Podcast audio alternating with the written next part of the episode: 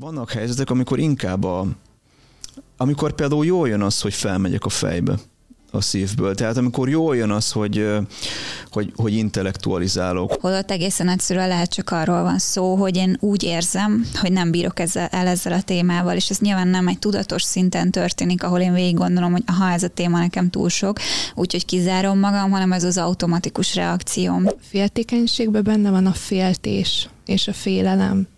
És ilyenkor, hogyha én féltékeny vagyok, akkor én magamat féltem, hogy nehogy egyedül maradjak hogy az én érzékenységem valamiért lehet, hogy, lehet, hogy nagyon jó. Nagyon jók a radarjaim, nagyon, nagyon mélyen érzek.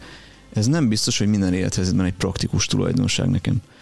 Kicsit szerintem az érzékenységet viselkedéses szinten érdemes úgy nézni, mint valami hangerőszabályzót, nem pedig mint egy ilyen kibekapcsoló gombot, hogy van, ahol szükség van rá, van, ahol pedig ezt lejjebb kell engedni. Ez itt az Amiről nem beszélünk podcast, melyben tabukat és tévhiteket fogunk górcső alá venni. Borzasztóan bekorlátozza az életünket, ha bizonyos gondolatokat elgondolni sem szabad, nemhogy kimondani. Pedig olykor ezeknek a gondolatoknak a kimondása vezetne el nagy változásokhoz és felismerésekhez. Abban reménykedünk, hogy egyre komplexebb és összetettebbé formálódik a gondolkodásmódotok, valamint egyre jobban fogjátok tolerálni az ellentmondásokat. Célunk továbbá, hogy segítsünk a decentrálás elsajátításában, vagyis abban, hogy meg megértsétek, hogy a dolgoknak a középpontjában általában nem az én van.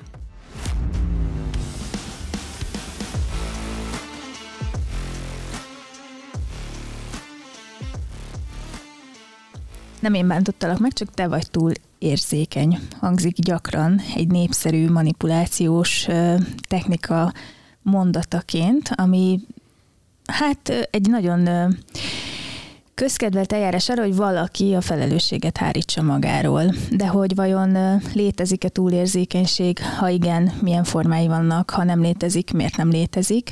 Erről fogunk ma beszélgetni, és őszintén megmondom nektek, hogy fogalmam sincs, hogy mi fog ebből kisülni. Azért hívtalak titeket, mert hogy kíváncsi vagyok a ti véleményetekre, de nem beszéltük meg ezeket előre, szóval azt gondolom, hogy nagyon sok hasznos gondolatot fogunk tőletek hallani, úgyhogy el is mondom a hallgatóinknak, nézőinknek, hogy ki van ma itt velünk. Itt van velünk Fuller Bianca pszichológus, Kalász Szintia, aki végzős pszichológus hallgató, és Tekler Tamás, aki transpersonális coach. Köszönöm, hogy eljöttetek, és így be is dobnám, hogy akkor mit gondoltok erről a túlérzékenység témáról üssétek fel, ahogy, ami először eszetekbe jut róla, és akkor aztán így kifejtjük ezeket a dolgokat.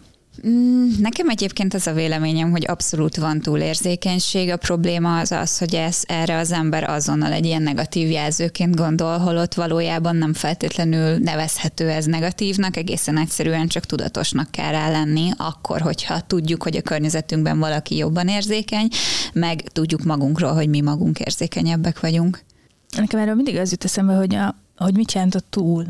Tehát, hogy ezt nagyon nehéz definiálni, és úgy összességében az egész szakmánknak szerintem ez a nehézsége, meg a segítő szakmának, hogy nagyon nehéz definiálni vágóértékeket, honnantól mondjuk valamire azt, hogy már címkézhetjük valamivel, és mi az, amit még nem címkéznénk azzal, hogy ezt iszonyatosan nehéz meghatározni, és amikor valaki, tehát mondjuk laikus környezetben, most tényleg nem szakmai beszélgetéseken belül, ha valaki laikus környezetben ezt így odavágja valaki másnak, akkor én itt tényleg szívem szerint megkérdezem, hogy és mit értesz az alatt, hogy túl érzi, mihez képest túl. És ezen én sokat gondolkoztam, de majd később megosztom, csak így be akartam ezt dobni, hogy persze, csak hogy mihez képest, a környezetéhez képest, mert egyébként lehet, hogy tök átlagosan érzékeny, csak abban a környezetben a többiek nem ennyire érzékenyek, vagy hogy hogy értjük ezt, hogy túl? Hát így. Ezt abszolút nagyon rezonál vele, amit mondtál, mert hogy olyan, mintha lenne valami standard érték az érzékenységnek. Ennyire lehet csak érzékeny. Igen. Minden, ami fölötte van, az túl. Igen. Uh-huh. Szóval amikor felmerül lesz, hogy, hogy túlérzékeny vagy, akkor tényleg az a kérdés, hogy kinek vagy túlérzékeny, mert ahogy kezdted ezzel a felütéssel, hogy nem én bántottalak meg, hanem te vagy túlérzékeny, szóval ez egy nagyon gyakori eszköz egyébként a felelősséghárításnak.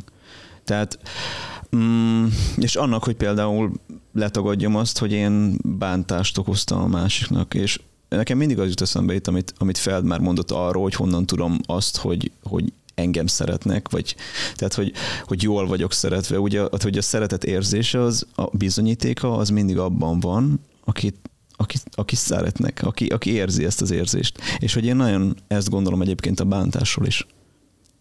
Így, nyilván van olyan, amit tudunk így objektív abúzusként definiálni, de nagyon sokszor én azt honnan tudom, hogy a másiknak én azzal nem gázolok bele a lelkébe, amit mondok és hogy szerintem nagyon óvatosan kell bánni ezzel, hogy, hogy a másik túlérzékeny, mert hogy nem arra használom ezt, hogy, hogy teljesen invalidáljam, érvénytelenítsem azt, hogy a, hogy a másiknak rosszul esett, amit én mondtam neki. Vagy hogy a saját érzéketlenségemet elfedjem, vagy azzal mm. ne kelljen szembenéznem, hogy egyébként erre még akár gondolhattam volna is előre, csak nem feltétlen kényelmes. Nem akarok előre szaladni, de azért bennem vannak olyan szenáriók, amikkel kapcsolatban Biancával értek egyet, és vannak nagyon sok olyan szenárió, amiben meg azt gondolom, hogy ez tényleg egy szitok szó, amivel le lehet pattintani a másikat, de, de hogy mondjuk nem állja meg a helyét. Úgyhogy ezeket én így tökre szeretném szétszállazni, de szintén nem tudom, hogy neked mi az első gondolatod erről, hogy kíváncsi vagyok. Nekem az, hogy szerintem fontos az, hogy ebben a témában, hogy egyáltalán észreveszi az ember azt, hogy érzékeny, hogyha érzékeny. És tehát fontos, hogy észrevegyük, hogyha tényleg van egy ilyen um, túlérzékenységünk, ahogy te használtad ezt a szót, és uh, tudatosítjuk, vagy tudatosítsuk, és uh, utána pedig megpróbáljuk ennek az értékeit felhasználni, és, és úgy változtatni, hogy, hogy ez aztán ne legyen egy túlérzékenység, hogyha tényleg az. Valahogy én is ezt gondolom, hogy mindegyik ötökkel teljes mértékben egyetértek, hiszen akkor mondhatjuk magunkra, hogy túlérzékenyek vagyunk, ha azt látjuk, hogy a környezetünk azzal az érzékenységi szinttel, ami nekünk van, nem tud rezonálni. Hogyha ők nem tudnak arra az érzékenységre ráhangolódni, ami nekem van, és esetleg emiatt engem leértékelnek. És azt gondolom, hogy épp ettől vált az idők során ez a jelző negatív jelzővé, mert valójában arról van szó, hogy ilyenkor azt élem meg, hogy velem valami baj van, én valamit nem csinálok jól, holott csak egy teljesen normális jellemvonásomról van szó. Természetesen azért vannak azok a helyzetek, amikor ez ténylegesen egy nagyon szélsőséges szintre csúszik, de nyilván most mi azt hiszem, hogy nem feltétlenül arról a fajta túlérzékenységről beszélünk, ami, ami már a szélsőséges kategóriába megy el, hanem sokkal inkább arról, amikor a környezetünk nem tudja kezelni azt, ahogy nekünk az érzelmeink egy adott helyzetben megjelennek. És pontosan, amit Cinti is mondott, hogy, hogy igazából az, hogyha ezt mi tudjuk jól használni, ha mi tudjuk, hogy igen, van egy ilyen jellem vonásunk, és lehet, hogy ez a környezetemnek nem feltétlenül elfogadható, de én tudom, hogy ettől én sokkal empatikusabb vagyok, ettől én sokkal mélyebb beszélgetéseket, kapcsolódásokat tudok létrehozni az életemben, akkor lehet, hogy önmagammal szemben kicsit elfogadóbb leszek, amikor így a túlérzékenység jelzőt megkapom valakitől. Szóval pont ez volt az első gondolat, és nyilván ehhez borzasztó reziliensség kell válni, hogy attól, hogy valaki rám süti, hogy túlérzékeny vagyok, én meg reagálhatok úgy, hogy igen, és én ilyen ember vagyok, és hogyha te ezt nehezen fogadod el, akkor lehet, hogy nekünk nem feltétlenül van egymással dolgunk. Nyilván, hogy valaki ide eljusson, borzasztó sokat kell építkezni, de nekem ez a véleményem róla. És ezzel kapcsolatban nem felmerül, hogy különbséget kellene szerintem tenni a között, hogy az, az adott környezetemen belül én a többiekhez képest érzékenyebb vagyok, versus, hogy vannak helyzetek, amiben azt gondolom, hogy mondhatjuk, hogy van egy optimális érzékenység, függetlenül a környezettől, mert hogy bizonyos fokú érzékenység mondjuk rontani fogja az én alkalmazkodásomat ahhoz a helyzethez, amiben benne vagyok, és bizonyos fokú érzéketlenség is rontani fogja. Tehát, hogy lehet, hogy tényleg vannak helyzetek, amiben ezt az optimálisat, ha ha kimaxoljuk, és már így átesünk egy olyan, nem tudom, érzékenységi szintbe, ami ami minket fog hátráltatni, és én azt gondolom, hogy ez rengeteg esetben ego kérdés, tehát hogy akkor tudunk átesni ebbe a, a nem optimális, de az érzékenységnek egy felső szakaszába, hogy így mondjam, amikor mondjuk olyan dolgokról van szó, amiben nem vagyunk elég biztosak saját magunkkal kapcsolatban, és sért minket az adott visszajelzés, vagy az adott helyzet, vagy van valami személyes sebünk azon a területen, amit még nem gyógyítottunk be, és ugye besózza valamivel a környezet, és hogy, hogy ezek a szituációk lehet, hogy nem indokolnák azokat a reakciókat, amiket mi adunk rá, csak egy múltbeli esemény miatt még hevesen reagálunk, és ezzel mondjuk rontjuk például a beilleszkedésünket a munkahelyen, ha minden visszajelzésére a főnöknek elkezdjük nagyon rosszul érezni magunkat, feltételezve, hogy a főnök mondjuk emberségesen ad visszajelzést. És nem biztos, hogy ez egy optimális érzékenység. De az a mondat, amivel én felütöttem a mai alkalmat, az jellemzően nem ilyen helyzetekben szokott elhangozni, hanem inkább olyan helyzetekben, amikor a környezet úgy gondolja, hogy te kilógsz a sorból, mert ahhoz képest, amit ők ott megszoktak, te túl érzékeny vagy szerintük. Miközben ezekben az esetekben nagyon gyakran azt látom, hogy egy környezetváltás, egy új baráti kör, vagy egy másik szoros szociális háló képítése a hozzám hasonlóakkal megoldaná ezt a kérdést, és hogy ez szerintem két nagyon különböző túlérzékenység. Valamilyen érzékenysége mindenkinek van. Szerintem erre egy tök jó gyakorlat, hogyha mondjuk megkérdezzük magunktól, vagy a hallgatók is megkérdezik maguktól, hogy mi az, ami a leginkább frusztrálja őket másokban. Mondok egy példát. Tehát például, hogyha sokat hallottam már, hogy, hogy azt mondják az emberek, hogy azt frusztrál másokban, hogyha, hogyha butaságokat mondanak, akkor meg kell néznem azt, hogy most tegyük fel, hogy ezt én mondom, akkor nekem meg kell néznem azt, hogy én mikor voltam buta, vagy tehát, hogy lehetséges, hogy van egy olyan ö, traumám, hogy kiskoromban rosszul válaszoltam az osztály előtt, és akkor kiröhögött az egész osztály. És onnantól kezdve én próbálom bizonyítani azt, hogy én nem vagyok buta, és már a hatodik diplomámat szerzem, de hogy ez akkor egy érzékenység. De olyan is van, másik példa, hogyha mondjuk az zavar nagyon, hogyha valaki agresszív, akkor nem csak az lehet, hogy mondjuk én voltam valamikor agresszív, hanem lehetséges, hogy velem voltak agresszívek, vagy az is lehetséges, hogy én hozok valami olyat, mert eltanultam otthon a családtól, vagy lehet, hogy örököltem valamit, mert történt valami agresszív esemény a családomban, és ezért um, érint engem érzékenyen ez a téma. És ez nem mindegy, és szerintem mindenképpen utána kell járni azt, hogy az érzékenységünk az hova köthető és hogy itt meg nekem nagyon sokszor ez jut eszembe, ahogy hallgatlak titeket, bár még nem régóta beszéltünk, hogy, hogy nem lehetne ezt a túl jelzőt kiszedni előle. Tehát, hogy pusztán mhm. csak mondjuk, hogy érzékenyek vagyunk. És aztán azon is gondolkoztam otthon, miközben fejben készültem erre a mai alkalomra, hogy oké, okay, ha van túlérzékeny, nyilván van érzéketlen, és ha elfogadjuk, hogy van érzéketlen, akkor nyilván el tudjuk azt fogadni, hogy van a, a az optimálisan túlmutató érzékenység is. Viszont szerintem lehet, hogy el kellene oda jutni, hogy ezt nem sértésként vagy felelősséghárításként használjuk ezt a kifejezést, hanem valahogy tök jó lenne, de hát ez egy ideális állapot, és nem biztos, hogy elérhető, hogy, hogy próbáljunk meg ne így reagálni a környezetünk érzékenységére, hogy egyből odavágjuk, hogy te vagy túl érzékeny. Egyszerűen nincsen olyan jól működő, mély, meleg, biztonságosan kötődő kapcsolat, amiben bárkinek jól esne, ha a problémáira így reagálnának, ahelyett, hogy meleg odafordulással kíváncsiak lennének rám, hogy figyelj, hát én egyáltalán nem így gondoltam, de mi lenne akkor, ha megbeszélnénk, és elmondanád, hogy neked ez hogy jött le?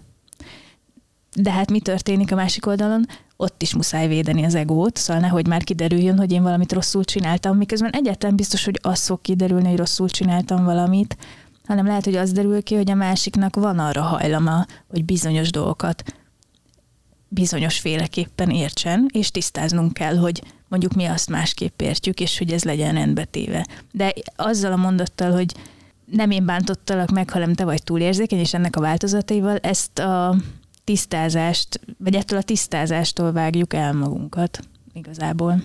Ó, én erre úgy tök szívesen rákapcsolódnék most. Mert hogy, amit mondtál az előbb, Cynthia, hogy én mikor voltam ilyen stb., hogy ez nagyon rímel az árnyék projekcióra. Uh-huh.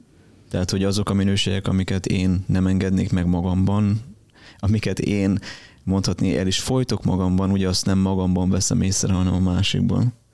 És hogy, hogy ilyen lehet egyébként az érzékenység per érzelmesség is. Tehát ha mondjuk mondtad az előbb, hogy hogy formálódtam, hogy vagy otthon találkoztam olyan helyzettel, amiatt azt gondolom, hogy ezt a minőséget nekem veszélyes megengedni magamnak, vagy valahogy én viselkedtem úgy másokkal, mások előtt, hogy ebből a jellemvonásból, egyből nekem károm származott. Tehát, hogy akármi is volt az oka annak, hogy ez, ez elfolytásba került, ez a tudattalomba került, Ugyanez előfordult a, a, a, az érzelmes vagy érzékenység, érzelmesség, érzékenység személyiségjegyekkel is. Tehát mondhatom azt is, hogy az a, abban a közegben, ahonnan én jövök, hogyha ennyire érzelmes lettem volna, mint amilyen most te vagy itt velem, akkor én már nem élnék. Tehát, hogy, hogy, hogy nekem valahol a túlélésem záloga volt az, hogy kvázi érzéketlenítsem magam és, és ne, legyek, ne legyek mindenre befogadó, ne, ne legyenek kinyújtva az érzelmi csápjaim, és amilyen viselkedést most te csinálsz, az, az szerintem veszélyes. Ebből a tanulásomból eredően. De nem csak, hogy nem csak, hogy, hogy feléd ítélem meg ezt, mert hogyha én megengedném magamnak, hogy én ilyen érzékeny vagy érzelmes legyek ennyi uh, érzelmi távolítás után, annak bizony rám is hatása lenne, mert akkor látnom kéne mindazt a nehéz érzelmet és a többit, amit ezzel a viselkedéssel elkerültem. Tehát egyszerre kerülöm el azt, hogy elismerjem, hogy neked fájdalmat okozott, amit én csinálom, csináltam, meg egyszerre kerülöm el azt, hogy nekem fájdalmat okozom, bennem felismerődjön annak az összes dolognak a fájdalma, amit ezzel az érzéketlenítéssel, távoltartással eddig megúsztam. Szóval légy szíves, ne emlékeztes rá. Igen, konkrétan. És, és be, ugye, amivel én dolgozom, az a voice dialog rendszer, és hogy ott, ott ugye domináns és leválasztott én részek mondhatni persona és árnyék viszonyában fogalmaznak meg nagyon sok ilyen ellentétpárt, és az egyik ilyen a, a personális és impersonális tehát ugye az, aki nagyon személyes, nagyon érzékeny, bevonódik és a többi, és a másik meg az, aki a teljesen hideg ki tud, ki tud vonódni ezekből a helyzetekből. És tehát nagyon sokszor arról van szó szerintem, hogy mondtad ezt a munkahelyet, ami szerintem nagyon jó, mert itt még kellene egy picit maradni, mert hogy nem minden, hogy attól függetlenül, hogy, én, hogy az én érzékenységem valamiatt lehet, hogy, lehet, hogy nagyon jó, nagyon jók a radarjaim, nagyon, nagyon mélyen érzek, ez nem biztos, hogy minden élethelyzetben egy praktikus tulajdonság nekem. Szóval, hogy itt megint csak a kérdés, hogy akár a leghasznosabb jellemvonásunk is mértékét veszve károssá válhat. És hogy mi az egyensúly, hogy sem az, hogy na akkor innentől kezdve 67% érzékenységgel kell végigvinnem az életet, hanem hogy, hogy, mi, hogy milyen élethelyzetben milyennek a, a számomra optimális keveréke. Mert az, hogy, de lehet, hogy nem mindig elérhető nekem az, hogy olyan környezetben legyek, ahol, ahol száz százalékig megengedhetem magamnak, hogy érzékeny legyek. Tehát nem is, tehát vannak hivatali ügyeink például. Tehát, hogy, hogy, hogy vannak olyan, olyan, olyan helyzetek, lehet, hogy autót vásárolok, tehát, hogy lehet, hogy nem mindenhol fogom tudni megbeszélni azt, hogy nem tudom, rám milyen hatása volt a gyerekkorom és a többi, meg hogy érted, szóval lehet, hogy nem minden helyzet arra való, hogy én teljesen kinyissam magamat. És akkor Sőt. szerintem, igen. És akkor itt van annak a, a, a próbája, hogy hogy tudom használni ezt a személyes és személytelen én részt. Tehát például, hogy megint csak nemi szerepek mentén kondicionálás, hogy a nőknél nagyon gyakran elvárják, hogy akármilyen szarul is bánnak veled, te mindig legyél nagyon érzelmes, mert az a szép feminin, hogy te mindig legyél érzelmileg elérhető, stb. És a férfinél meg ugyanígy elvárják, hogy, hogy te, oh, ez már nagyon sok érzelmesség, ennek a felét se és hogy, hogy ahogy meg elkezdek, elkezdek ezzel dolgozni, meg lehet ezt tanulni szerintem, hogy vannak helyzetek, amikor inkább a, amikor például jól jön az, hogy felmegyek a fejbe a szívből. Tehát amikor jól jön az, hogy, hogy, hogy intellektualizálok, hogy például egy teszem azt munkahelyen vagyok, és van egy szakmai, vagy, vagy egy nem szakmai, egy, egy interpersonális konfliktusom valakivel, egy személyes konfliktusom valakivel.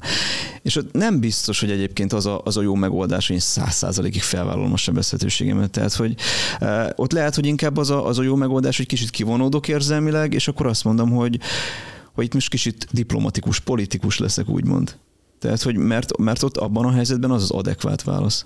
Erről eszembe jutott az, hogy üzleti tanácsadásokon is a tavalyi évben többször hallottam nagyon sikeres üzletemberektől, hogy ezeket a kérdéseket, amikkel mondjuk én hozzájuk fordultam, nem szabad érzelmi alapon eldönteni. Tehát egy cégnek a, az építésében tök fontos az, hogy hideg fejjel, racionálisan a legkifizetődőbb vagy a legoptimálisabb megoldást megtaláld. Ha téged az vezérel, hogy valamin megsértődtél, vagy vagy valami nem oké, és ez elvisz, akkor lehet, hogy számodra sokkal károsabb döntéseket hozol. És aztán kérdés persze, hogy ez nem fajul-e odáig, és hát látjuk sajnos, hogy sokszor odáig fajul, hogy az adott vezetőt egyetlen egy személy sem érdekli a saját cégénél, mert hogy mindent racionálisan kell eldönteni, és akkor mindegy hújanak a, a fejek, és um, itt aztán optimális termelésnek kell lenni, és aki kiesik a termelésből, annak annyi. Szóval, hogy ez meg nem cél. Mint ahogy az előbb elmondtad, hogy minden hasznos dolognak a, a túlműködtetése károssá tud válni. Egyébként én is pont ugyanezt jegyzeteltem fel, amit te is elkezdtél kifejteni, hogy igazából persze van egy ellenvonásunk, a felnövekvésünk során lett egy érzékenységünk, és ennek van egy szintje az életünkben. Ez nagyon nagy valószínűséggel egy adottság marad az életünk során. Viszont onnantól kezdve, hogy megtanuljuk azt, hogy egyébként ennek a viselkedéses reprezentációja bizonyos helyzetekben hogy jelenik meg, hogy hol mennyire engedhetem ezt meg magamnak, onnantól igazából én magam is sokkal úgymond ellenállóbbá válok, például a túlérzékenység címkével szemben, meg a saját sérülékenységemmel szemben, és szerintem egyébként nagyon fontos külön választani azt, hogy én mennyire vagyok érzékeny, és ezt mondjuk mennyire engedem felszínre bizonyos szituációkban mennyire mutatom meg a sérülékenységemet bizonyos szituációkban. Szóval, hogy ezt kicsit szerintem az érzékenységet viselkedéses szinten érdemes úgy nézni, mint valami hangerőszabályzót, nem pedig mint egy ilyen kibekapcsoló gombot, hogy van, ahol szükség van rá, van, ahol pedig ezt lejjebb kell engedni. Vagy szerintem az is fontos, hogy mi berakom bele, mm. mert tényleg, hogyha értek engem olyan hatások, hogy az érzékenység, vagy az érzéketlenség, az nekem a karakterem részévé vált, és van ilyen, akkor azt tudjam, hogyan kezelni. Most mondok egy példát, inkább az érzéketlenségre. Um, van egy ilyen kifejezés, fura példa lesz, szadisztikus karakter. Tehát, hogyha valaki ilyen, akkor az könnyebben bánt másokat. És hogyha benne van a tudatosság, hogy tudja, hogy neki van egy ilyen vérmérséklete, akkor, hogyha mondjuk elmegy fogorvosnak, vagy elmegy sebésznek, akkor ő azt, hogy ott tud fájdalmat okozni, szenvedést bántani, azt jóra tudja használni. Tehát, hogyha így felismerjük, és átforgatjuk, és jóra használjuk a bennünk lévő vagy érzéketlenséget, vagy érzékenységet, akkor az már egy tudatosság. Például gondolom, ha nem tudom értéke valaha, de ha megmérnék a pszichológusoknak az érzékenységét, gyanítom, hogy, hogy a skála teteje fele lennénk, és hát így igyekszünk jóra használni ezt. Hmm. Mármint azt mondod, hogy, hogy érzékeny. Gyanítom, igen. Hmm. Ez, ez így megsatszolnám, de nem Aha. tudok, nem ismertek ilyen kutatást? Ez most ciki, idején nem. De ez, ez azért érdekes, mert akkor ugye felmerül a kérdés, hogy, hogy a segítő szakembernél, például eh, pszichológusnál, vagy bármilyen más segítő szakembernél, eh, ha ő tudja magáról, hogy van egy ilyen nagyon mély érzékenysége, az sem jó, hogyha határtalanul ki van engedve. Tehát az sem jó, hogyha akármennyire bevonódok, az sem jó, hogyha nem tudok határt állítani annak, hogy, hogy mennyire engedem be a klienst és a többi. Szóval erről mit gondolsz?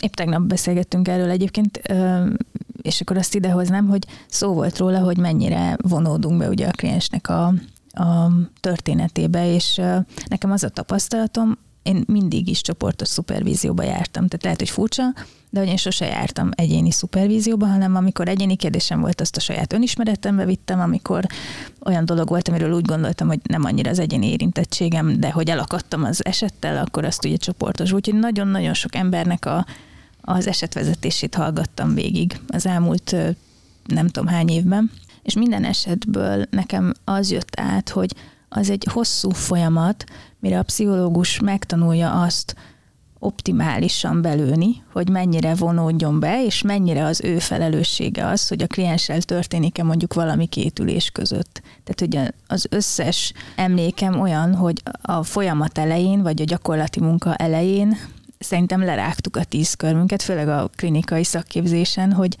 jaj, most akkor megöli-e magát a kliens a következő ülésig, vagy nem, és hogy mit csinálják, és hogy fogom ezt túlélni, és hogy, hogy akkor mit rontottam el, elrontottam-e valamit, stb. stb. És ez óriási felelősség, és hogy innen eljutni oda, hogy eddig is túlélt valahogy ez a kliens nélkülem is a pszichológusi vagy a pszichológiai tanácsadási folyamat előtt is, és hogy hogy azért nem tudok felelősséget vállalni, ami két ülés között zajlik, az egy hosszú út, és hát azért nem mondom, hogy szenvedésmentes út, de hogy meg lehet tanulni visszaadni a felelősséget a, a kliens kezébe, de ennek nagyon sok árnyalata van, tehát hogy az is egy ilyen kérdés, hogy nem tudom, ti hányszor érzékelitek, de biztos gyakran, hogy, hogy a, amikor az ülésen ér, az, azt lehet érzékelni, hogy nagyon szeretné a kliens, hogy ti mondjatok ki valami döntést helyette. Tehát amikor így húz abba bele, hogy, hogy így kb. mond meg neki, hogy mit csináljon, és akkor ezen a ponton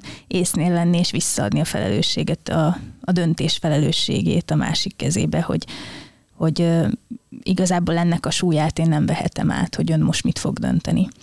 Szóval, hogy nagyon-nagyon sok színezete van ennek a, a folyamatban, én úgy látom. Ezért fontos, hogy empatikus legyen egy pszichológus, és nagyon sokszor összekeverik az empátiát az együttérzéssel, és ez nem ugyanaz. Tehát az együttérzés az az empátiának az alapja, és az meg kell, hogy legyen, de az nem empátia. Az empátiában van egy, egy, egy ilyen kognitívabb rész is, hogy ott már meg tudom tenni ezt a határhúzást, hogy nem engedem magam annyira bele. Erre van egy nagyon érdekes téma, hogy, hogy hogyan tudjuk ezt ketté szedni. Például, hogyha valaki mindig hazafele egy koldus néninek vagy bácsinak ad pár száz forintot, az vajon együttérzés vagy empátia? Mert az inkább együttérzés, és nem empátia, mert nem oldja meg a helyzetét a bácsinak, az már a saját érzékenysége, hogy a bácsi megnyomott benne egy gombot és azért ad neki pénzt, hogy jobban érezze önmagát. De nem empatikus. Empatikus akkor lenne, hogyha leülne vele beszélni, és megoldási lehetőségeket nyújtana neki. És ez egy érdekes különbség szerintem. És ezért fontos, hogy ezt kettést tudjuk szedni, és itt is érdekes megnézni, hogy miért nyomja meg a bácsi bennem ezt a gombot ezt, amire mondjuk lehetek túlérzékeny is. Tehát, hogyha már az van bennem, hogy én nem tudom élni a hétköznapjaimat, és azt érzem, hogy muszáj öm, alapítványokhoz mennem, és segítkeznem alapítványoknak, az azt jelenti, hogy lehet, hogy bennem van egy fajta túlérzékenység ezzel a témával kapcsolatban, és nagyon jó, hogy jót teszek, de eszembe jutott egy másik gondolat, hogy van olyan is, hogy nem ö, konkrétan engem érint ez a téma, tehát hogy nem egy, egy hajléktalan bácsira vagyok túlérzékeny, hanem mondjuk egy olyan témára, ami, ami nincs a közelemben, mondjuk az afrikai éhezőkre. És akkor is mi az, amit megnyom bennem. És hogyha én pénzt adok az afrikai éhezőknek, hogy jobb legyen nekik, hogy tudjanak enni, az egy nagyon az egy nagyon kedves és jó együttérző működés. Viszont az se fogja megoldani az afrikai éhezőknek a helyzetét, mert ez meg már úgymond gazdaságpolitikai kérdés, mivel ugye, most ebben nem menjünk bele nagyon mélyen, de amíg Afrika az, az a franciáknak a kezében van, és a GDP, amit ők termelnek, az a franciáknak a zsebébe megy, addig ez nem fog megoldódni ez a helyzet. De ez nem pszichológia. A pszichológia az az, hogy én miért vagyok érzékeny erre a témára, és hogy felismerem és azzal hogyan tudok dolgozni. Szerintem egyébként nagyon fontos ténylegesen nem csak az empátia együttérzés között különbséget tenni, hanem például az empátia együttérzés és érzékenység között is különbséget mm-hmm. tenni, mert attól, hogy valaki érzékeny, még nem biztos, hogy képes az együttérzésre is, mert mondjuk lehet, hogy az érzékenysége csak ő magára vonatkozik, és csak saját maga az, akit mm-hmm. érzékenyen érintenek dolgok, de a másik arra, hogy mondjuk a másikat bizonyos dolgok, hogy érintenek, arra már nem, nincs egy nyitottsága. És ez viszont azt gondolom, hogy már esetleg egy olyan verziója az érzékenységnek, ami inkább egy védekezés, egy bizonytalanságból ered, nem pedig abból, hogy van egy ilyen vonásom, amit tudok rugalmasan kezelni az életemben.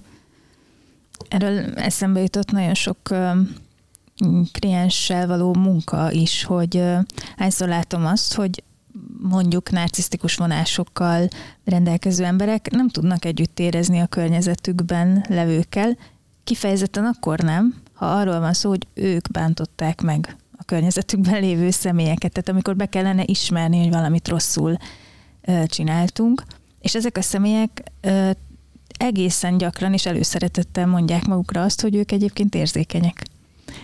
Szóval, hogy ez nagyon izgalmas kettőség, tök jó, hogy behoztad, és épp ezért szerintem azt is érdemes megvizsgálni, még visszautalva Szintiára, hogy mi az, ami megérint engem annyira, hogy adakozzak, és hogy van az, hogy nem minden ügy érint meg annyira, hogy adakozzak, tehát hogy ebben is van egy, egy izgalmasan ismereti kérdés, hogy valószínűleg nem minden egyes esetben adakozom, és hogy akkor hol vannak az én személyes nyomógombjaim rejtetten ezek mögött, hogy, hogy bizonyos helyzetekre meg behúzódom, hogy oké, okay, akkor adakozok, ami amúgy tényleg egy pozitív dolog, tehát hogy ezt most ne vegyétek úgy, hogy negatívként akarjuk említeni. Húztát a fejemben az a gondolat, hogy amit mondtál, hogy az empátia az, hogy leülünk mellé, de hogy igazából a hajléktalan bácsinak is, is az esete egy, egy, egy politikai kérdés, egy, uh-huh. egy társadalmi politikai kérdés, tehát hogy hmm,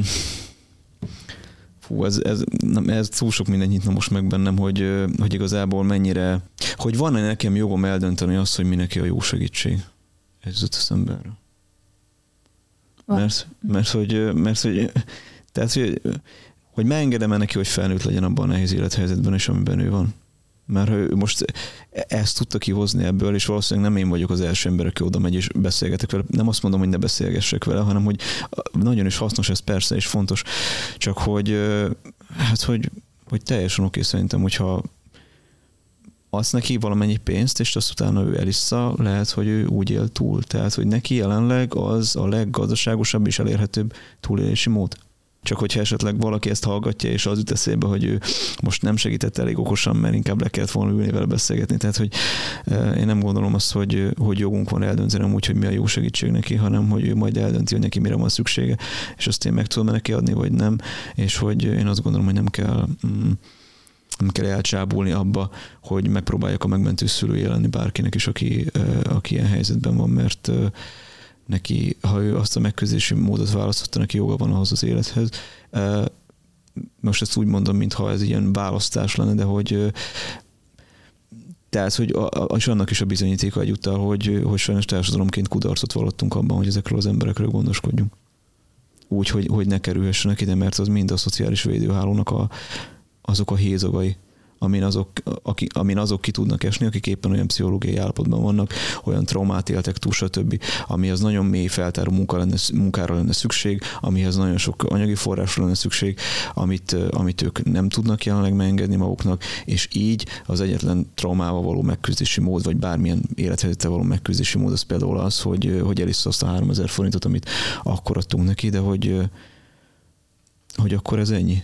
De nem Tehát, is biztos, hogy alkalmas arra, hogy pszichológiai munkába fogjon. Tehát, hogy azért más. nagyon, eh, sose felejtem el a, az egyik leghatásosabb óra nekem a, az, a, az alapképzésen az volt, amikor arról beszélgettünk, hogy milyen az ideális páciens, és mikor leesett még alapképzésen, hogy hát basszus, nem fogunk tudni tényleg mindenkinek segíteni, mert nem mindenki tud mondjuk azokról a dolgokról gondolkodni, vagy arról belső munkát folytatni vagy végezni, ami ahhoz kell, hogy ő mondjuk fejlődjön az önismeretében.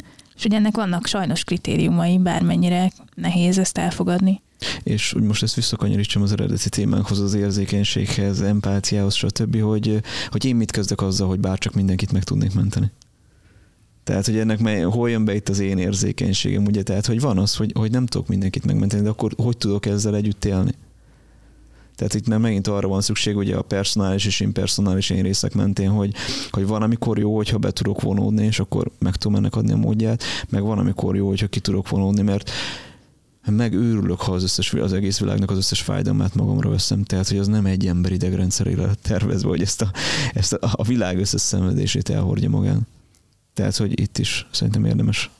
Egyébként nagyon érdekes, hogy nagyon sokszor az, amit most te ugye említettél, a be- és kivonódás, leginkább a kivonódás része az a saját magunkba vetett hit miatt történik meg, anélkül, hogy én szeretném, hogy ez így legyen. Most arra gondolok, hogy nagyon sokszor valami téma kapcsán, ami amúgy minket a borzasztó érzékenyen érint, tudattalanul kivonódunk, és lezárunk azzal szemben, és nevezhetnek lehet kifelé bennünket, érzéketlennek például, holott egészen egyszerűen lehet csak arról van szó, hogy én úgy érzem, hogy nem bírok ezzel, el ezzel a témával, és ez nyilván nem egy tudatos szinten történik, ahol én végig gondolom, hogy aha, ez a téma nekem túl sok, úgyhogy kizárom magam, hanem ez az automatikus reakcióm. És szerintem ezt az árnyalatot is nagyon fontos behozni, mert nagyon sokszor még egy érzéketlen embernél is, tehát ott, ahogy a túlérzékenységgel kapcsolatosan, úgy az érzéketlenséggel kapcsolatosan is egy ilyen negatív hangvétel jelenik meg, holott valójában nagyon sokszor az érzéket érzéketlenség mögött, ami mondjuk akár visszatérve a hajléktalanok vagy az éhezés témájára, nagyon sok ember lezár, nem akar róla hallani, érzéketlen ezzel a témával szemben, de nem azért, mert ő egy érzéketlen ember alapvetően, hanem mert úgy érzi, hogy ez a té- ezzel a témával nem bírna el, ha behozna az érzékenységét, és akkor, és akkor van egy ilyen lezárás, pedig ez egyáltalán nem egy negatív vonás, ez a a saját önreflexiónknak a, nem tudom, adott esetben ebben a témában alacsony szintje? Amikor én egészségpszichológus hallgató voltam, akkor nagyon sokat foglalkoztunk azzal, hogy mi történik a, a beteg és az orvos között egy-egy konzultáción, és nekem rengeteget segített, főleg aztán az, hogy az első gyakorlati munkám során én az egyetem után a bőrgyógyászaton kezdtem el dolgozni, és ott nagyon-nagyon sok melanómás is volt, és láttam, hogy mit csinál az egy orvossal, ha ő ebbe túlságosan belevonódik. Tehát, hogy nagyon-nagyon felnéztem arra az orvosra, de láttam, hogy ki csinálja az, hogy mennyire átérzi, hogy, hogy milyen gyakran halnak meg a melanóma miatt a betegei. És hogy nekem nagyon sokat segített, hogy tudjam, hogy amikor oda megyek, akkor nem az van, hogy én egy darab hús vagyok, és nem számítok, hanem hogy muszáj az orvosnak megvédeni magát ettől, mert hogy egyébként is tíz évvel korábban halnak meg, mint az átlagosan várható élettartam, mert nagyon megterhelő a segítő szakma. Szóval, hogyha még ennyire se védenék magukat, akkor nem tudom, hogy mi lenne. Úgyhogy én igyekszem azóta mindig ezt itt tudatosítani, ne vegyem magamra, amikor elmegyek az orvoshoz, hogy látszólag érzéketlen. Tehát egyszerűen nem lehetne ezt bírni, ha minden egyes páciensnek a történetébe bevonódnának.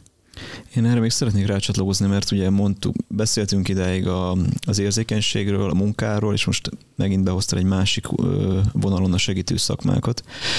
És hogy szerintem itt van egy nagyon fontos jungi arhetipus, ami a Keirón arhetipusa.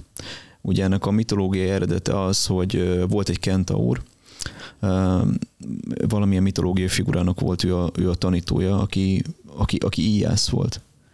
És ez a kentaur, hát ugye félig isteni eredeti volt, tehát halhatatlan. Viszont egy csatában megsebződött egy nyíl által. És mivel szerette volna ezt mindenképpen meggyógyítani magában, ezért a különböző gyógyító módszerek mesterévé vált. Azért, hogy a saját sebét tudja kezelni. De a saját sebét soha nem tudta végül meggyógyítani, viszont ezeknek a mesterévé vált. Úgyhogy mindenki, aki ugye a környezetében volt, ő lett a gyógyítója. És ugye miért fontos ez? Mert hogy egyrészt maga miatt is, de hogy egyébként is nagyon sokat beszélt a sebzett segítő arhetipusáról. Tehát, hogy ahhoz, hogy, hogy Keirón ennyire jó orvosa legyen mindenkinek, aki hozzá fordul, ismernie kellett, kellett, hogy legyen saját élményes tapasztalata arról, hogy milyen megsebesülni. Tehát, hogy valahol ez a fajta érzékenység, ami egyébként alapja lesz az empátiának is, hogy ne csak, ahogy múltkori beszélgetésünkben használtam nagyon jól ezt a szót, hogy ne csak kognitív empátiánk legyen. Tehát ahhoz, hogy tényleg ott tudjak lenni érzelmi, mert, annak van egy melegsége. Tehát azt mondjuk egy segítő szakmában is, akár orvos, vagy akár bármilyen más vonalon mozogsz, tehát nem lehet elhazudni a kliensnek azt, hogy én megértelek, és akkor elmondtam három mondatot, amivel a kliens majd azt fog érezni, hogy, hogy, hogy velem most együtt volt érezve, hanem hogy, hanem hogy tényleg van egy, van egy másfajta melegsége annak, hogyha, hogyha nagyon is jól tudjuk, hogy milyen megsebezve lenni. És, és itt ennek, ennek van egy nagyon érdekes vetülete, mert ugye ennek is van egy árnyéka. Tehát, hogy, hogy, hogy annak is, annak a sebzett segítőnek is meg kell tanulnia, meg, meg kell dolgozódnia valamennyire, hogy ezek a sebek, ezek építő jellegűen legyenek benne a folyamatban, és ne, ne, ne, ne húzza bele a klienst játszmákba. Tehát, hogy viszont, tehát, hogy elengedhetetlen Hát én azt gondolom, hogy nyilván Freudnak is köze volt ehhez, de most nem akarom erre a, a Jung-Freud ellentétre kiélezni az egészet, de hogyha láttátok a, a Dangerous Method című filmet, akkor ott nagyon szépen látszódik, hogy Jung mennyire, mennyire személyes ember közeli volt, és például amikor beszélgetett Freudal az álmairól, akkor ő szépen elmondta, hogy neki milyen álmai voltak, és kérte Freudot, hogy akkor meséljen már ő is róla, és mondta, hogy hát nem, mert akkor, akkor megszűnne ez a, ez a hierarchia, ami most köztük van. És hogy nagyon látszik, hogy, hogy ugye az egyik gyógyítói arhetipus, az a Keiróni arhetipus, az a, az a nagyon személyes, a nyitott, tudom miben vagy, én is sebzett vagyok, átmentem már ezen. A másik viszont az aláfölé rendelődő, az apollói arhetipus. Tehát az én majd megmondom, hogy mi a bajod, felcsapom a eh, DSM 5-öt, megmondom, ez vagy te. És akkor, tehát, hogy, eh, hogy, hogy a nyugati, de általában igazából szerintem a saját, a, a kliensek lelkivilága is valahol azt várja, hogy majd elmennek ehhez a nagyapa figurához, ehhez az autoriter figurához, vagy anyafigurához, vagy akármilyen nemű segítő, és ő majd megmondja, hogy, hogy mi velük a baj, ő majd, ő majd onnan fentről leosztja az ukászt, hogy mit kell csinálni, de hogy, hogy ugye ez az, amit, amit gyakran nehezen engedünk meg szerintem magunknak, hogy, hogy ne várjuk el azt a segítő szakembertől, akihez fordulunk, hogy sebezhetetlen legyen kvázi egy istenkép. És hogy, hogy, hogy ez a kettő segítője arhetipusnak a, a, a nagy ellentét, hogy az Apollója az nagyon az a, az a fölérendelődő, autoriter, a Keiróni pedig az, a, az az, aki tud bevonódni. És hogy mind a kettőnek megvan a, a, a maga árnyoldala. Ez jutott eszembe. Szerintem egyébként épp ez az aláfölé rendeltség az, ami megjelenik akkor, amikor valakit érzékeny, érzéketlennek vagy túlérzékenynek címkézünk. És ettől válik nagyon rombolóvá és nehézé az, amikor ezt a címkét megkapjuk. És hogyha ezt saját magunkban át tudjuk fordítani abba, hogy értem, hogy ő itt most szeretne egy ilyen hierarchikus kapcsolatot kialakítani, de én ebbe a játszmába nem megyek bele, mert én rendben vagyok a saját túlérzékenységemmel, vagy éppen tudom, hogy az adott témával kapcsolatosan miért vagyok érzéketlen, akkor nem kerülök bele abba, ami engem bánt és sért abban az interakcióban. Ezzel együtt szerintem, ha valakinek valahol van egy érzékeny pontja, és erre kétféleképpen reagálhatunk, hogy vagy kikapcsoljuk, vagy megpróbáljuk kikapcsolni, vagy nagyon átéljük. Szerintem ezek az illetők, vagy ezek az emberek felelnek azért, hogy ezzel tényleg foglalkozzanak annyit, hogy egyébként mondjuk a közeli kapcsolataikban ez ne távolítsa őket a partnerüktől, vagy a barátaiktól, vagy a családtagéktól. Tehát, hogy legyen annyi önismerete az adott illetőnek, hogy, hogy birtokolja a saját sebeit, és ne csak a másikban lássa a felelősséget azért, hogy őt ez kikapcsolta, vagy nagyon bekapcsolta, hogy így mondjam. Én még behoznék ide egy témát, ami nagyon ide kívánkozik, és lehet, hogy az elején kellett volna mondanom, az az, hogy hogy valamiféle igazság tehető ebben az érzékenység témában úgy, hogyha a temperamentumot is szóba hozzuk, hogy vele születetten vannak emberek, akik érzékenyebbek, és nem biztos, hogy így fogalmazza meg a, a szakirodalom, de hogy tudunk olyan temperamentummal születni, ami, szóval az az igazság, hogy elképzelhető, hogy úgy jön valaki egy komoly problémával pszichológushoz segítséget kérni, hogy nem fogjuk tudni feltárni a gyerekkorában azokat a történéseket, amik ide vezethettek, mert semmilyen nagy dolognak látszó az, az nem igazolja vissza, és hogy tényleg létezik az, hogy a, ha és ez nagyon sokszor a környezettel való összenemillés miatt is megtörténik, hogy ha a gyermek félénk, visszahúzódó, nehezen vagy lassan felmelegedő, nem tudom, inkább pessimista, nem tudom, miket mondjak még, de hogy úgy összességében érzékeny, és van egy mondjuk temperamentálisan is, meg énvédő mechanizmusokat tekintve is érzéketlenebb környezet, nem biztos, hogy ott komoly bántásoknak, vagy bántalmazásnak, vagy nagyon komoly mulasztásoknak kell ahhoz történni, hogy sebek alakuljanak ki az adott gyerekben. Tehát, hogy nem ez a leggyakoribb, tehát, hogy sokszor meg tudjuk érteni, visszavezetve a gyerekkorra. Legtöbbször azt gondolom, mindannyian ezt tapasztaljátok, hogy meg tudjuk érteni, hogyha visszavezetjük a gyerekkorra, akkor hogy alakultak ki ezek a sebek. De vannak azok az esetek, amikor a, a, a temperamentális velem született tulajdonságok érzékenyebbé tesznek arra, ami velem történik, és sokkal valószínűbb, vagy sérülékenyebb vagyok, hogy egy mondjuk úgy mentális zavar kialakuljon. És hogy ez egy nagyon nehéz ügy, mert ezzel, ha ezt elismerjük, hogy létezik, akkor fennáll a veszélye annak, aki elmegy pszichológushoz, vagy pszichológushoz fordul, az kiteszi magát annak, hogy lehet, hogy ő ott érvénytelenítve lesz, és hogy nyilván ezt nem azért mondom, hogy most így mindenki megjegye, hogy úristen, akkor velem volt a baj, és nem is a családommal, mert azért ez nagyon ritka. Én tényleg Szóval nem tudom azt mondani, hogy, hogy találkoztam ilyen emberrel, de azt tudom mondani, hogy a szakirodalom jelenleg ezt mondja, és szerintem ebben azért van valami, hogy, hogy az, hogy hogy születik a gyerek, illeszkedik a környezetéhez, vagy nem, meg hogy mi az, amit észrevesz, vagy mi az, amit, hogy így mondjam, magára vesz, az, az nagy, nagyban függ attól, hogy milyen temperamentummal született. Viszont nyilván egy jó környezet fölül tudja írni a nagyon félénk temperamentumot, és a, a nagyon nem tudom, szociábilis vagy gyorsan felmelegedő temperamentumot is felül tudja írni egy nagyon barátságtalan környezet, tehát hogy azért ennek a mondjuk így génkörnyezet interakciónak, meg a velünk született dolgok és a környezet hatása során bekövetkező interakciónak azért számos kimenetele lehetséges. Éppen ezért nagyon nehéz szerintem megragadni ezt, tehát hogy már mi is annyi aspektus behoztunk, és igazából mondjuk nem mondhatjuk, hogy jutottunk feltétlen végkövetkeztetésekre, vagy inkább úgy mondom, hogy minden eset egyedi, lehet, hogy ez a jó kifejezés. Meg amire még nem jutott idő, és már most lassan majd le is fog járni a beszélgetés időnk, de egy picit ide érdemes lenne behozni, ezt Szintiával beszéltük, mielőtt idejöttünk, hogy hogyan jelenik mondjuk ez meg párkapcsolatban, hogyha valaki túlérzékeny. Egy picit erről még szerintem beszéljünk.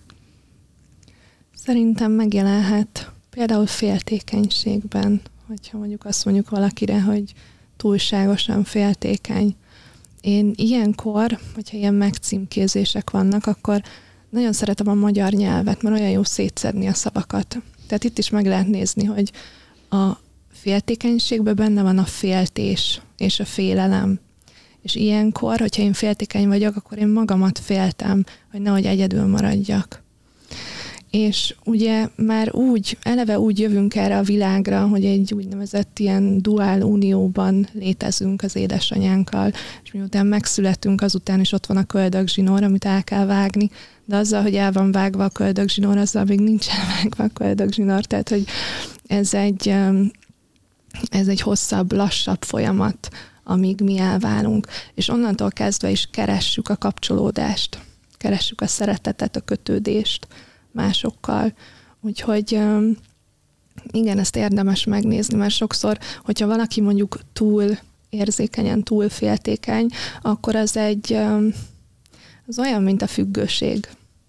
És ez meg szintén ide kapcsolható ehhez a korszakhoz, meg lehet nézni, hogy hogy vajon ebben a másfél évenben, ebben az elején történt-e valami, ami, ami veszteségre utalt. Tehát lehet, hogy én úgy éltem meg azt, hogy, um, hogy az édesanyámtól elszakítottak, hogy ezt megéltem egy veszteségként, és akkor ezért leszek féltékeny. Vagy um, amit te mondtál most, hogy, uh, hogy lehet, hogy nem találjuk meg a gyerekkorban ezeket az okokat Szerintem ezért érdemes családfát csinálni, úgyhogy megnézzük a felmenőket is, mert ez már nagyon közel jár azért az epigenetika, hogy ezt úgymond bizonyítsa, hogy vannak olyan dolgok, amik igenis velünk születnek, és lehet, hogy én születek egy temperamentummal, és azt én hozom, mert veszteség az is például, hogyha, hogyha a déd nagymamám elveszíti a férjét, és onnantól kezdve egyedül marad, és az kerül neki bele az ő úgymond a testébe, mert ugye, hogyha trauma ér minket, akkor ez megváltoztatja az idegrendszerünket, az hatással van a gén kibekapcsolódásunkra, és a sejtosztódás miatt ezeket a gén kibekapcsolódásokat tovább tudjuk örökíteni. Tehát ide is kapcsolódhat az én túlérzékenységem, vagy a féltékenységem, hogyha van meg hogyha nem is tudjuk feltárni, az még egyébként nem jelenti azt, hogy nincsen ott az ok. Szóval, Igen. hogy könnyen lehet, hogy nem emlékszünk, vagy nem tudjuk elmesélni, meg a, az van, hogy mondjuk különbséget tehetünk nagy tévelít traumák és kis tévelít traumák között. Most ezt, ebben nem megyek bele részletesen, de hogy ezek a kis tévelít mindennapos mérgező események, ami így természetesnek tűnt gyerekkorban, és fel se figyeltünk rá, az nem elmesélhető a pszichológusnál. Tehát nem fogom elmesélni, hogy minden nap úgy beszélt velem az anyám, ahogy, mert abban nőttem bele, és fe, meg se ütötte az inger küszöbömet, hogy, hogy történet legyen belőle a pszichológusnál. Miközben nagyon befolyásolta azt, hogy mit várok egy kapcsolattól. Tehát nincs meg az a tudatosság, hogy egyáltalán felismerjem, hogy ez probléma. I- igen, és hogy csak ezt azért tettem hozzá, mert hogy nem csak az van, hogy nem feltárható, és tényleg nincs, hanem hogy van olyan, hogy nem feltárható, de attól még ott nagyon sok ok van. Meg egyébként azt gondolom, hogy tényleg, tehát, hogy tényleg ez a sokkal gyakoribb, hogy vagy feltárható, vagy csak még nem tudjuk, vagy nem emlékszik rá, vagy nem elmesélhető, de ettől még ott vannak az okok. Szóval ezt nem hiszem, hogy túl gyakori lenne az az eset, hogy valakinek úgy lesz személyiségzavara, hogy semmi olyan nem történt vele gyerekkorban. Inkább az elméletet akartam idehozni, hogy elméletileg lehetséges. Mindennek megvan az oka. Tehát szerintem egy olyan okos rendszer ez az univerzum, amiben létezünk, hogy, hogy hát most mondhatjuk ezt, hogy nincsenek véletlenek, vannak, de közben sok mindenben nincsenek. És tényleg meg lehet találni azt, hogy, hogy mi hogyan hatott. Tehát olyan, mint hogyha egy ilyen nagy pókhálónak a részei lennénk, és lennének bizonyos ö, olyan csomópontok, ahova összefutnak a szálak, és az, az sokszor azonos másoknál, és tudunk úgy összekapcsolódni, de mint ahogy Hát az internet is így működik, vagy az agyunkban lévő neuronális hálózatok, de a, a természetben a, a micilium nevezetű gombahálózat is, ami viszi az információt. Tehát, hogy ez, hú, most elmentem egy elég div gondolatmenetbe, de hogy értitek, mit akarok mondani, tehát, hogy, hogy, hogy minden összekapcsolódik mindennel. Szerintem még azt nagyon fontos ide hozzáfűzni a túlérzékeny vagy gondolat mentén, hogy azok a környezetek, amik nagyon mérgezőek, és szeretnék magukról ezt a felelősséget hárítani, hogy nagyon mérgezőek, azok többszörösen is érdekeltek abban, hogy az áldozatokat, azok, akiknek mondjuk éppen a férjét szívják egy ilyen narcisztikus kapcsolatban, folyamatosan gázlángozzák azzal, hogy ő a túlérzékeny, és eltorzítsák a valóságképét arról, hogy a bántás, amit ő érzékel, az valójában nem is bántás, úgyhogy minél tovább fennmaradhasson ez a játszmázás, ez a mondhatnám azt, hogy a, a pszichológiai energiájának a, a leszívása az áldozatnak. Szóval, hogy ö, szerintem itt is nagyon fontos, hogy amikor folyamatosan kapja valaki azt, hogy túlérzékeny vagy túlérzékeny vagy, hogy érdemes megnézni azt, hogy ki mondja ezt nekünk, érdekelt ez ő abban, hogy, hogy fenntartson valami olyan viszonyt, ami nekem folyamatosan káros, de őt valamiért szolgálja, mert valamilyen szükséglet kielégítő rabszolgává tett engem ebben a viszonyban egy aláfölé rendelődésben, és bábként mozgat, és hatalma van fölöttem, és ha én azt meglátnám, hogy amit ő mond, az hazugság, akkor véget érhetne az ő játéka, és ebben ő nem érdekelt. Szóval ezt nagyon-nagyon fontos megvizsgálni, meg azt is, amit te mondtál, Évi, hogyha folyamatosan olyan kis idézőjelben, tehát a folyamatosan a kis traumák érnek minket, ami igazából csak egy már-már normalizálódott abúzív közeg. Nagyon tetszett ez a gondolat. Most nem fog eszembe jutni, hogy hol láttam, de hogy egészen addig nem fogjuk tudni, mekkora volt a baj, amíg nem meséljük el a történetünket valaki olyannak, aki biztonságos környezetben nőtt fel. Amíg nem látjuk azt, hogy az, ami nekünk normális volt, az másoknak mennyire sokkoló. Mert hogy azzal igazából, ami ilyenkor történt meg, és folyamatosan azt mondták, hogy túlérzékeny vagy túlérzékeny, vagy egészen addig, amíg érzéketlen nem váltam arra, hogy engem bántanak. Az a baj, hogyha érzéketlenné váltam arra, hogy bántanak, akkor mindenki másnak is sétáló céltáblája leszek. Tehát, hogy azért, amiért kiirtották belőlem a bántás ellenálló reflexemet, nagy árat fogok fizetni azután is, hogy már elhagytam ezt a kapcsolatot, családi közeget, párkapcsolatot, ahol engem folyamatosan bántalmaztak, és gyakorlatilag, amikor megérkezek mondjuk egy pszichológushoz, vagy mondjuk egy baráthoz is, aki végre egyszer jól fel tud háborodni azon, hogy te veled így bántok, hát mi történt itt? Tehát, hogy gyakorlatilag ezzel megtanulunk újra felháborodni. És ez nagyon fontos, hogy vissza, visszaérzékenyülünk, visszaszerezzük az érzékenységünket a bántásra. De ehhez az is lehet elég, vagy egy trigger, elég nem, de egy trigger, hogy elmegyek a barátaimhoz, és látom, hogy velük nem úgy viselkednek a Pontosan. szülők. Pontosan. És amikor először elkezdjük tudni összehasonlítani a gyerekkori környezetünket mással, még valamennyire visszacsatolnék itt a párkapcsolatra, én magamnak úgy fordítottam le az érzelemfókuszú párterápiát, mint ami úgy gondolkodik, hogy nincsen mentális zavara az ott ülő pár egyikének sem, hanem ott van köztük egy olyan kommunikációs probléma, amit ha feloldunk, akkor mindenki normális lesz, mert megnyugszik, hogy oké, okay, akkor itt biztonságosan lehet kötődni, és nekem ez nagyon tetszik, mint felfogás, hogyha meg tudjuk teremteni mi egymás között azt, hogy, hogy én egy picit jobban megtanulom nem magamra venni, amit csinálsz. Te meg egy kicsit megtanulsz jobban kíváncsi lenni arra, hogy bennem mi zajlik. Meg te is hajlandó vagy leásni, hogy benned mi zajlik, és végre megosztani, akkor köztünk meg fog az szűnni, hogy ezzel kelljen játszmázni, hogy én túlérzékeny vagyok, te megérzéketlen vagy, és hogy lehet egymás felé közelíteni.